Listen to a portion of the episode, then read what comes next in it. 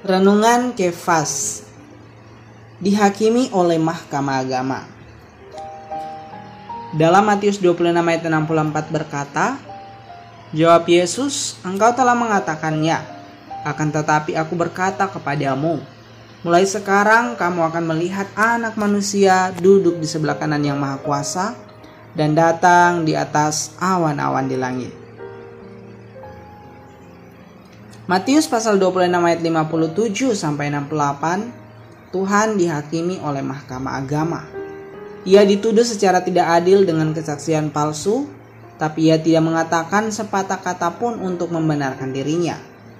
Dengan tetap membisu, ia menggenapkan Yesaya 53 ayat 7. Kemudian imam besar berkata kepadanya, Demi Allah yang hidup, katakanlah kepada kami, Apakah engkau Mesias, anak Allah atau tidak? Ayatnya yang ke-63. Ini adalah pertanyaan sama yang iblis gunakan dalam menjumpai Tuhan di dalam pasal 4 ayat 3 sampai 6. Ayat 64 berkata, Jawaban Tuhan Yesus, engkau telah mengatakannya.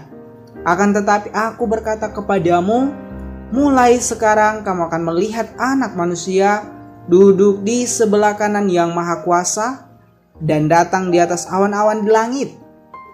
Imam besar bertanya kepada Tuhan, apakah ia anak Allah? Tetapi ia menjawab, anak manusia. Ia menjawab iblis dengan cara yang sama ketika ia dicobai. Di dalam pasal 4 ayat 4. Tuhan ialah anak manusia, tidak saja di bumi sebelum kesalibannya, tetapi juga di surga di sebelah tangan kanan Allah setelah kebangkitannya.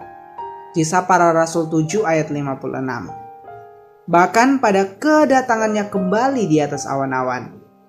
Untuk menggenapkan maksud tujuan Allah dan untuk mendirikan kerajaan surga, Tuhan wajib menjadi manusia.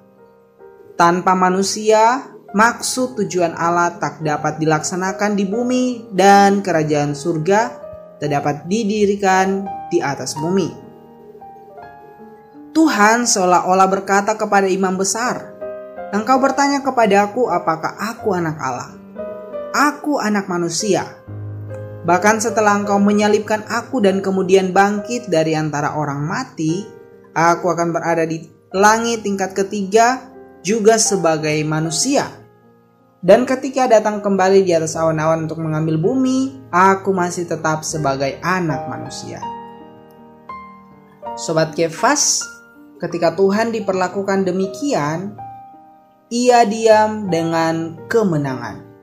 Sebab itu ia telah menang, tidak saja di depan mahkamah agama, tetapi juga di depan Petrus yang telah mengikutinya dari jauh.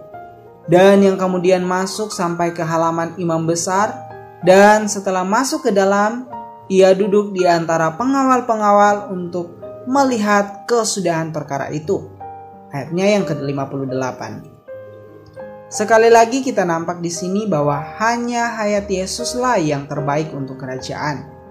Bahkan hayat manusia yang sekuat dan seberani hayat Petrus pun tidak sesuai bagi kerajaan. Terang hari ini Sudahkah kita sadar bahwa ia tidak bersalah, namun tetap dihakimi? Bagaimana kita dapat memiliki hati yang dipuaskan? Saudara-saudari, mari bersama kita berdoa agar Tuhan membawa kita semua menjadi orang-orang yang melihat bahwa Ia begitu mengasihi kita, sehingga mau dengan rela dihakimi demi menebus kita. Tuhan memberkati saudara-saudari.